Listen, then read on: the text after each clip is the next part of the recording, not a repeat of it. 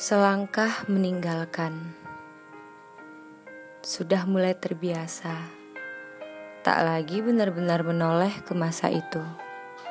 Berusaha mencari tempat persinggahan yang baru, meskipun tak benar-benar mencari.